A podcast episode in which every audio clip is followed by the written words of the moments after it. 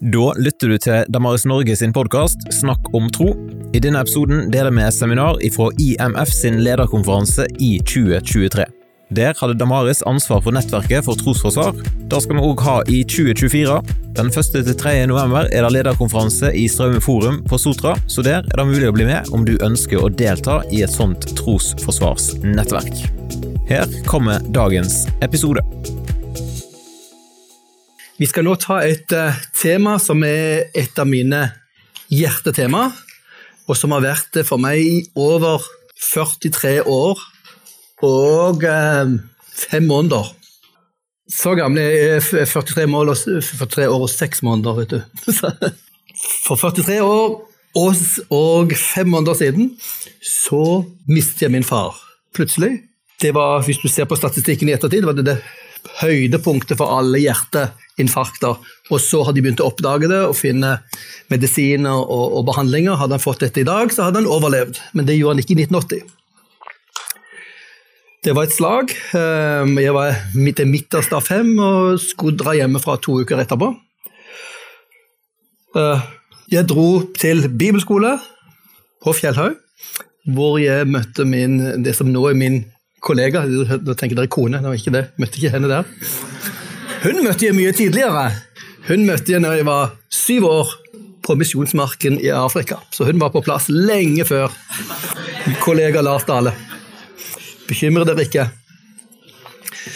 Um, det året uh, ble en, oppdagelse, en stor oppdagelse for meg i forhold til kjernen i den kristne tro. Jeg hadde vokst opp i den kristne settingen og hadde jo egentlig trodd på Gud, trodd på Bibelen hele tiden, men jeg visste ikke Du kunne ikke overbevise andre om dette. Hvis du tror på Bibelen, så tror du på Bibelen, sant? men det er jo bare en bok som kommer fra et eller annet mørkt sted i historien. Det går ikke an å si noe om den.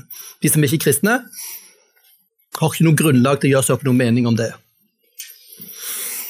Og så, dette året, 1980, på, i Oslo, ble et år med oppstandelsen i sentrum for meg, rett etter den erfaringen av å miste min egen far. Så ble det både en gjenoppdagelse av egentlig det kristne håp. Det er ikke, er ikke himmelen. Bibelen snakker ikke om at vi skal til himmelen, Bibelen snakker om at himmelen skal til oss. Bibelen snakker om at vi skal til Kristus, men at vi en dag skal få kroppen tilbake. Vi skal reises opp fra de døde, få kroppen tilbake, Gud skal skape en him ny himmel og en ny jord. Hvor himmel og jord igjen skal være forent, sånn som det var ved Edens hage en gjenoppdagelse av det kristne håpet. Den andre oppdagelsen var at Jesu oppstandelse den er faktisk veldig godt bevitnet. Så vi brukte svært mange timer på å høre gjennom en kassettserie. Jeg trodde det var, den tiden vi hadde kassetter. vet du, sånne. En kassett er en bitte liten kasse med et bånd i, og på det båndet er det elektroniske eh, signaler som kan bli til lyd. Det, det er liksom den tidligere versjonen av Spotify. Før det var det CD, før det var det kassetter, før det var det LP. Men der var det vel kanskje 30 en serie med, med 30 undervisningstimer om kristen tro Og han sa at under undervisningen Han hadde selv vært ateist. En sterkt overbevist ateist. Og så hadde han i sin studietid sant? blitt utfordret til å, til å, ja, hva med Jesu oppstandelse. da. Og så hadde han undersøkt det historisk, og fant ut Oi sann, det finnes ikke noen gode bortforklaringer på de, de, det vi kan si historisk om oppstandelse, om de fortellingene. Så han ble kristen, og han var en svært begavet person. så han han har brukt hele sin karriere. Han lever faktisk. Så, en, så på, på, um, Facebook i går at han lever enda. Han spilte John Ward Montgomery. En fantastisk begavet person um, som har skrevet veldig mye, og som, som også kom til kristen tro han kom til kristen gjennom diskusjon om oppstandelsen, rent som et historisk spørsmål. Og det ble hans vei inn til kristen tro, til tro på Kristus og resten av det som følger med. Dette var en kjempestor oppdagelse som har gitt meg en helt annen trygghet. Istedenfor å si at du må bare tro, så kan jeg si ja, kom og undersøk. Og ikke bare det, men hvis du skulle finne ut at dette her er bare løgn og bedrag at Jesus ikke har stått opp. Kom og fortell meg. For denne boken forteller meg at hvis ikke Kristus har stått opp, er kristentroen meningsløs. Da ville vi måtte kaste hele i søpla. Selv om de gir håp, selv om de gir mening, selv om de gir vakre bygg, mye verdier til en kultur. Så sier Paulus mm, har ikke Kristus stått opp? Da er deres tro uten mening.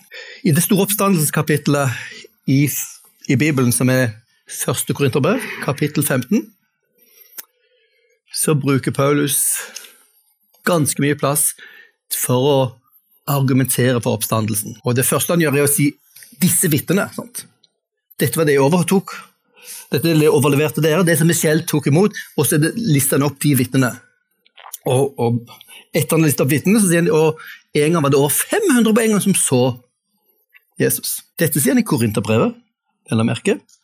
Til og med bibelkritikere og skeptikere er helt enige om Korinterbrevet er utvilsomt ekte. Men stille, kritikere stiller tvil om noen av Paulus sine brev, men ikke Korinterbrevet.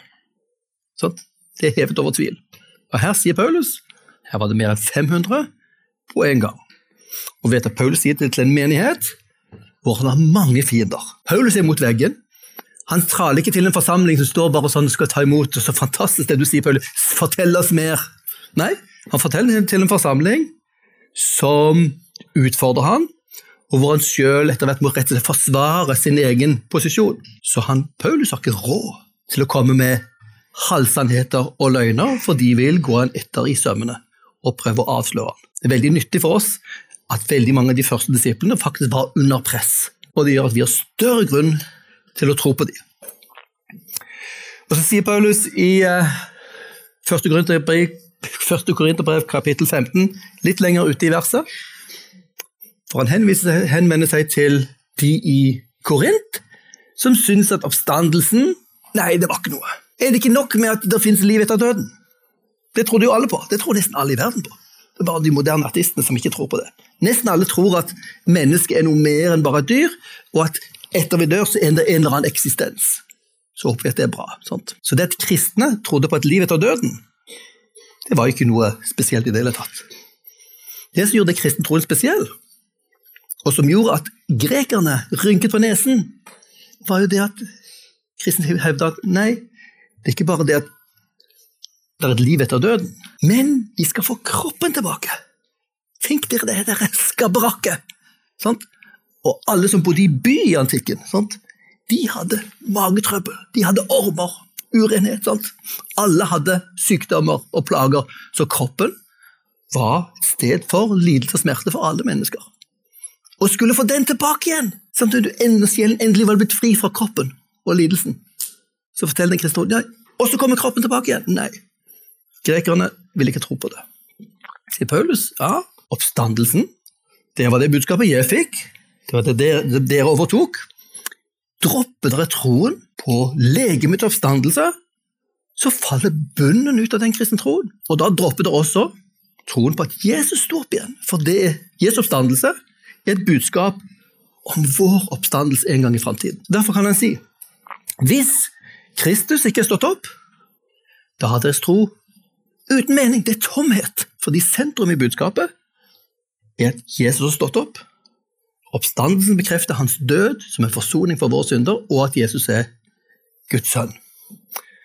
Deres tro er uten mening. Dere er fremdeles i deres synder. Hvis ikke Jesus har stått opp, da har ikke hans død noe selvs frelsende betydning for oss.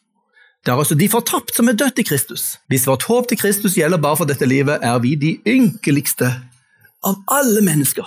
For ikke bare har vi løyet om det som er der framme, vi inviterer dere også inn til et liv som er lidelse og forfølgelse her og nå. Tenk dere sånn en stor bommert. Hvis ikke oppstandelsen er reell, da er den kristne troen verre enn meningsløs. Da er vi ynkelige. Og spørsmålet om Jesu oppstandelse er jo et kjempestort spørsmål som er bra å invitere mennesker inn på, om de er troende eller ikke troende. Så alle tror jo på noe. Men jeg inviterer folk til, til å stille det spørsmålet. Ja, sto Jesus opp? Hvis ikke han gjorde det, da er ikke min kristentro noe verdt. Det er et liv og død-spørsmål, så alle mennesker vil forstå at ok, hvis, jeg, hvis dette er sant, så vet vi noe om, om liv og død. Han som står for det døde, han har jo liv og død i sine hender. Det vil også være nøkkel til hvem Jesus egentlig var. Sant? Jesu oppstandelse avslører at Jesus hadde rett. Det er Guds bekreftelse på Jesus påstand om seg selv, at han var Guds sønn og hadde makt til å gi liv selv og til å tilgi synder. Og så er det faktisk et spørsmål som er i historien. Historiespørsmål. For dette er ikke bare en, en eh, gripende fortelling om noe som skal skje i en annen sfære, men det er snakk om faktisk hendelse. Og det er der det spørsmålet kan vi vite noe om oppstandelsen. Og det er der jeg deler med dere denne historien her om John Ward Montgomery, som på 60-tallet undersøkte Jesu oppstandelse. Rent historiske argument og kom fram til ikke bare kan det ha skjedd, men svært, svært gode grunner, og at ingen gode alternative forklaringer er blitt greid å gi av alle lærde historikere opp igjennom. Det fins ikke noen gode alternative forklaringer. Han brukte mye av sin karriere til å arbeide videre med dette spørsmålet. Det setter seg noen eksempler på noen viktige personer sant, som har argumentert på litt ulik vis for Jesu oppstandelse. En som heter Simon Greenleaf, var en amerikansk akademiker som grunnla um, uh, Han var grunnlegger av Skal vi se, der kommer det. Han var jurist, spesialist på evidens, på, på fakta. Når du arbeider i en rettssak, så er jo hvem som har de beste bevisene og faktaene du legger på bordet, det er, jo det du må basere en sak på. Han hadde en egen lærebok i hvordan avgjorde hva som fakta og ikke fakta. Sant? Grunnlag av en av de mest berømte juridiske lærerinstitusjonene i verden, Howard Law School. Han skrev en bok om evangelistene som vitner. I en rettssak er det vitnet som teller. De avgjør om hvordan en sak blir, blir besluttet, og i en rettssak så blir ethvert vitnesbyrd veiet kritisk sant? imot andre vitnesbyrd. Kan vi stole på denne personen? Og så sier han det i denne her boken sin, som skriver om evangelistene, de fire evangelistene i Bibelen, som vitner. La deres vitneutsagn siles som om det ble gitt i en rettssal. La det granskes av motparten og underlegges en grundig krysseksaminasjon. Jeg har overbevist om at resultatet vil bli en klar overbevisning om deres integritet, deres evner og sannferdighet. Dette er konklusjonen. Så forklarer han hvordan disse evangeliene både viser at de har integritet, hvordan de hadde evner til å skille mellom rett og galt, og at evangeliene bærer sterkt preg av at de er sannferdige. Ok? Som hvilket som er et godt argument, for de ville ikke ha løyet om en sånn ting som oppstandelsen. Krysseksaminasjon? Ja, godt spørsmål. Krysseksaminasjon det er et teknisk ord som man bruker i rettssalen. Sånn, når du Flott. Du er en stor storforbrukeren her. Jeg tror du vinner i dag. ja. Når, når det bringes fram et vitne i en rettssal, så skal begge sidene få lov å stille spørsmål til det vitnet. Du krysseksaminerer, du vil testes, og du blir testet kritisk. sant? Er denne personen egentlig å stole på?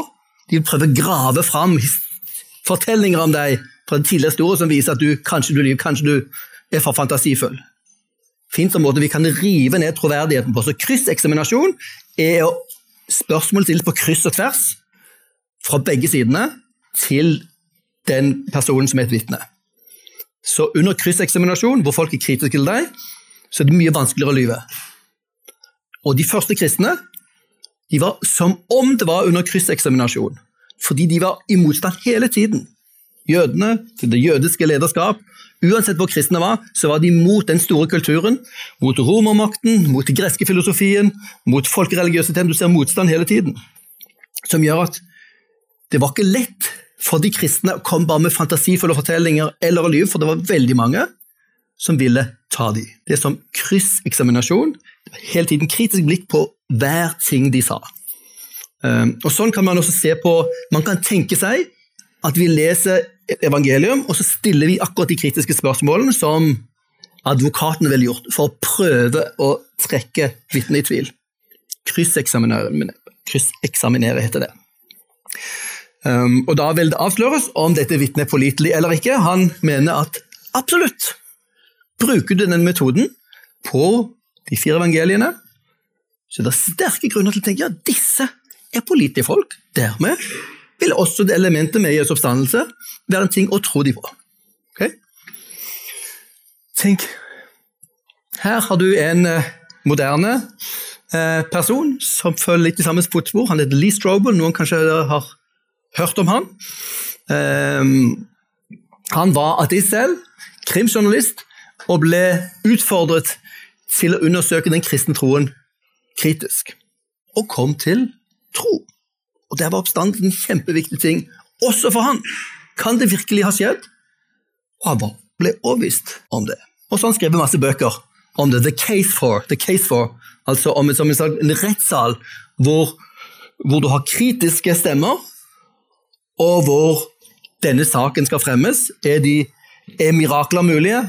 Er Kristus den han sa han var? Uh, kan vi stole på en skaper? Og han bruker samme måte å argumentere for som de gjør i en rettssak. I en rettssak er måten du argumenterer på, testet veldig hardt gjennom historien. Sånt. En veldig bra måte å teste sannhet på. Så hans litteratur er preget litt av det samme som tenkningen i rettssalen.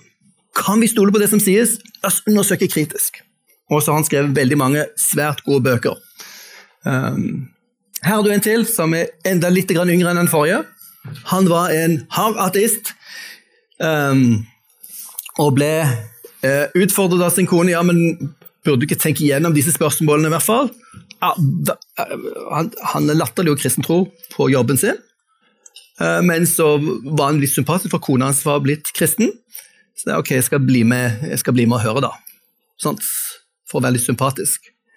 Og når han kom der, så hørte han mm, Han som talte nå, fikk meg faktisk til å se at denne Jesus som jeg fortalte om, han var ikke en dumming. Det var et eller annet her. Og så begynte han å undersøke.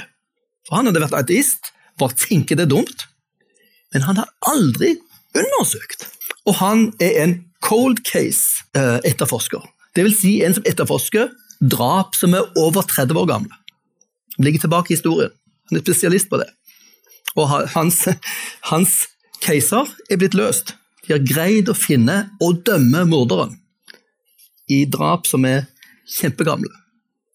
Og han sier dette som vi finner i evangelien, er litt som en cold case, hvor ikke du har et lik. Sant? Du har ikke kroppen. Du har ikke mordvåpen engang. Du har ikke tilgang til vitnene.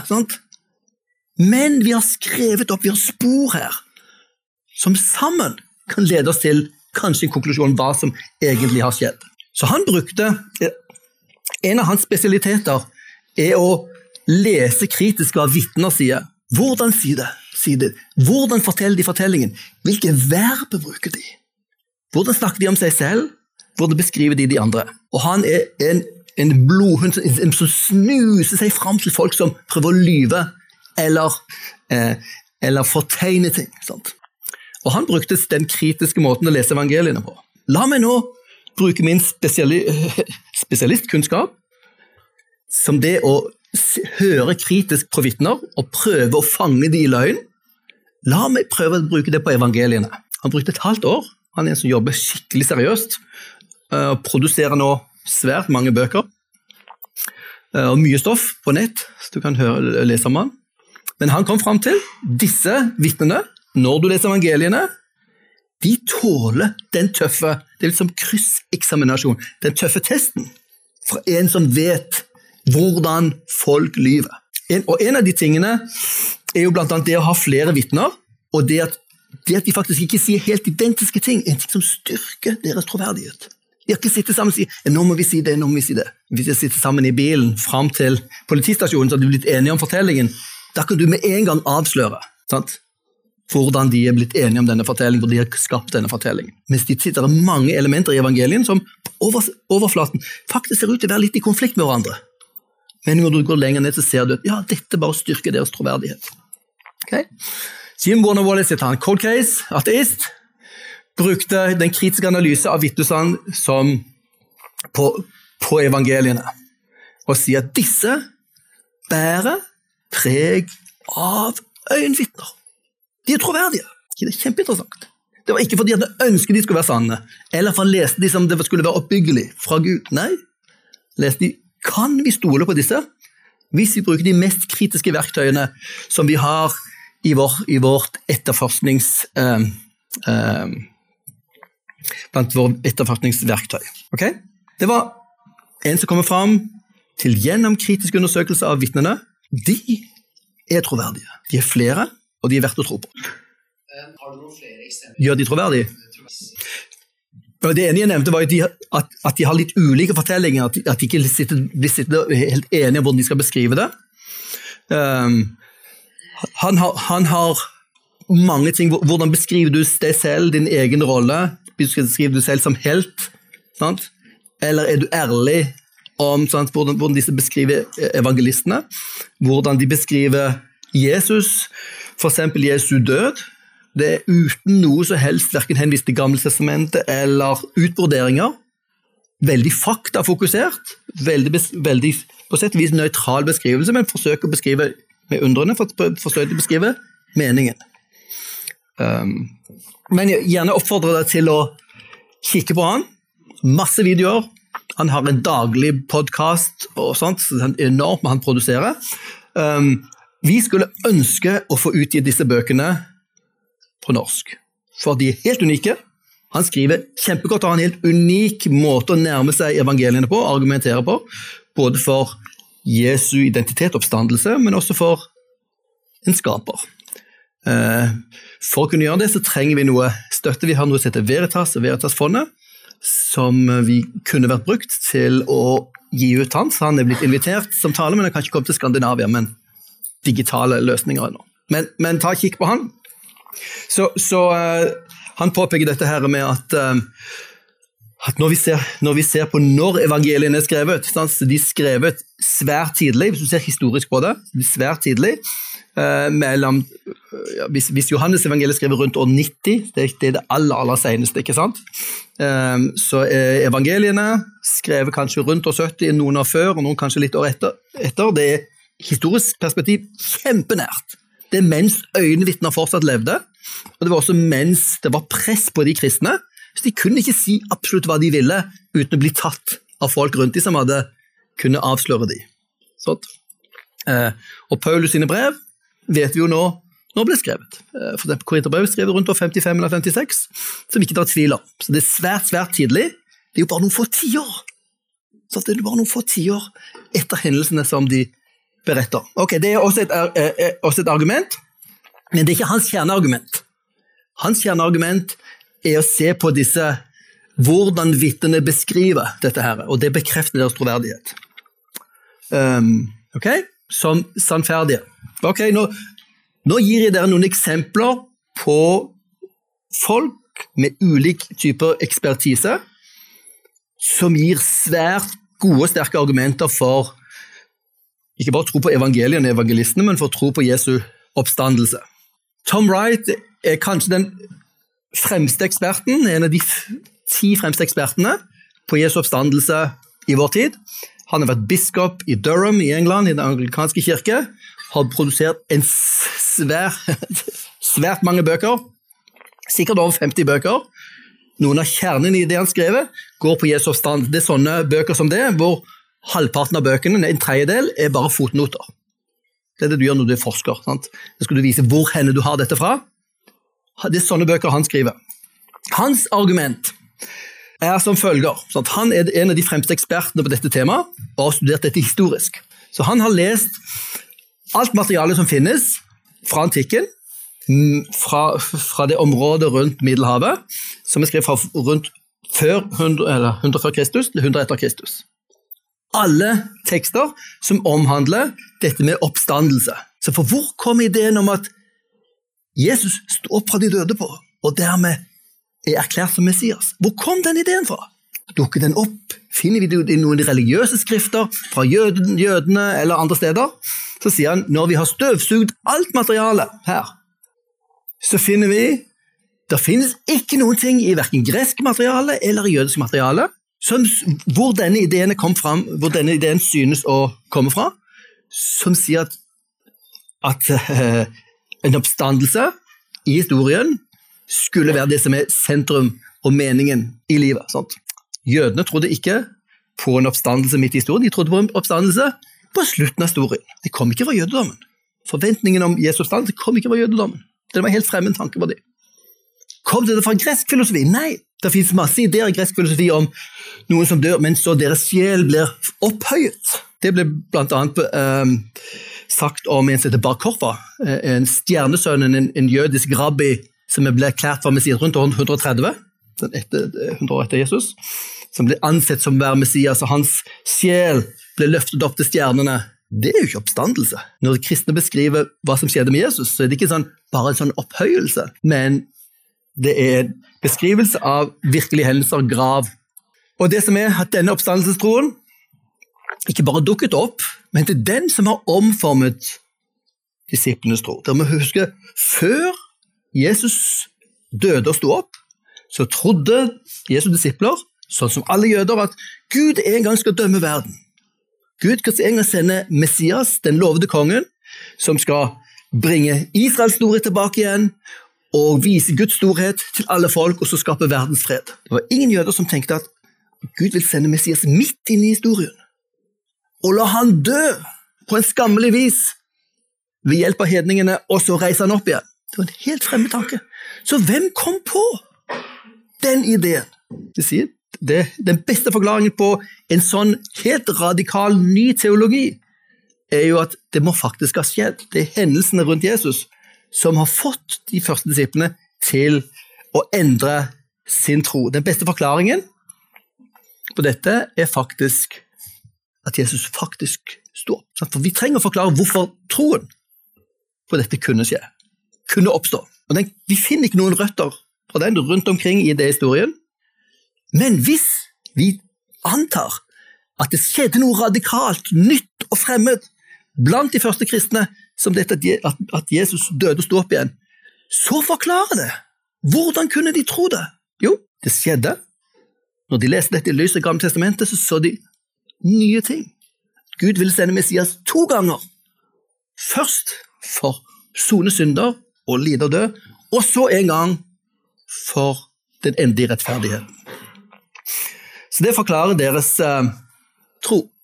En annen som har arbeidet med dette, heter Mike Lacona. Han har en nettside som heter Risen Jesus. Um, og uh, uh, han går grundig inn i metode for historieforskning og drøfter hvordan Jesu oppstandelse uh, kan argumenteres for. Ut fra spørsmålet om historisk metode. Dette er, dette er skikkelig solide bøker, så dere trenger ikke være redd for at dette er bare sånn lettvektere. ok? Og Han har også vært med i ganske mange debatter om Jesu oppstandelse. Veldig god å høre på. En tredje, eller enda en person som har formidlet dette med minimumsfakta. Um, um, hvis du, hvis du prøver å kartlegge ti ting som forskere, Jesus, Jesus forskere er enige om sant? Det finnes minst, minst, ti historiske fakta som støtter oppstandelsen, som det er bred enighet om. Som underbygges av sterke argument. Så vil si at okay, hvis du vil bortforklare oppstandelsen, hvordan forholder du deg til disse ti fakta som støtter den? Fordi forskerne støtter det, selv om ikke de støtter konklusjonen. Og så må vi ha med siste, siste biten, og det, det vil dere finne på dette ressursarket deres. Jeg kunne brukt tiden på dette siste, men jeg har valgt å bruke tegn opp. Det hadde flere måter å nærme seg det på, og dette er den eh, siste som vi vil ende opp med, som er den, på sett og vis den enkleste, som vi bruker litt i vårt pensum på Gimlekollen når vi tar opp dette med, med oppstand, for det er veldig så nyttig i evangelisering. William Lane Craig han er en svært viktig kristen apologet. Han har to europeiske doktorgrader, en i filosofi, Guds eksistens, den andre i historievitenskap. Eh, så han har faglig grunnlag for begge disse to områdene, og han har brukt dette argumentet for Jesu oppstandelse. Og han sier disse tre fakta er svært godt belagt, og svært få forskere trekker det i tvil. For det første, Jesu grav ble funnet tom av en gruppe kvinnelige tilhengere den første dagen uken etter korsfestelsen. Det er dessverre få som finner problematisk. Det neste faktumet som forskere er enige om Ulike enkeltpersoner og grupper hevdet å ha sett Jesus i live under ulike omstendigheter. De sier ikke at Jesus var i live, men flere personer hevder å ha sett Jesus i livet, Og de forteller Peter forteller om det, eh, Paulus forteller om det, evangelistene forteller om det, at noen hevdet å ha sett Jesus i livet. Dette førte til at Jesus' første disipler trodde oppriktig at Jesus hadde stått opp for de døde, på tross av hva de forventet på forhånd. Disiplene hadde ikke forventet at Jesus skulle dø. De hadde ikke noe teologi, bakgrunn fra sin jødiske tro, som forberedte for, død, for Jesu død, og heller ikke hans oppstandelse. Det var Jesus' oppstandelse som omformet deres tro fra å være en jødisk endetidsforventning til å bli kristen tro, med Kristus i midten av historien. Det var oppstandelsen som sto i sentrum, som gjorde den forskjellen.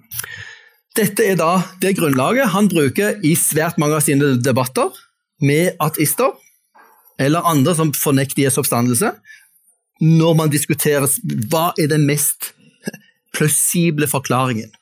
Så med disse tre elementene her, så har du et svært godt argument for Jesu oppstandelse. Enhver forklaring, som for eksempel en utbredt, eh, en utbredt forklaring, er at det var, var hallusinasjon. At disiplene så for seg et eller annet selv som drømmer. Men uh, Dette forklarer punkt nummer to, men det forklarer ikke den tomme grav. Ok, da må du ha enda en forklaring. Den tomme graven lå jo bare noen hundre meter unna, sant? i det bitte lille gamle Jerusalem. Enhver kunne gå og sjekke, som ville avslørt veldig tidlig. Og sånne hallusinasjoner ville neppe skapt de første kristne som opprinnelig trodde det hadde skjedd. De første kristne visste godt hva syner og visjoner var, som var noe annet enn virkelige hendelser. Så her har dere materiale. Dere finner mye materiale på Snakk om tro igjen, og i papirene her. Så gjerne utforsk dette. Og dere kan gripe det an på veldig mange måter, og jeg tror det kan styrke deres tro. Si, inviter folk til å undersøke. Undersøk sjøl, så, så, du kan dele troen din med fremodighet.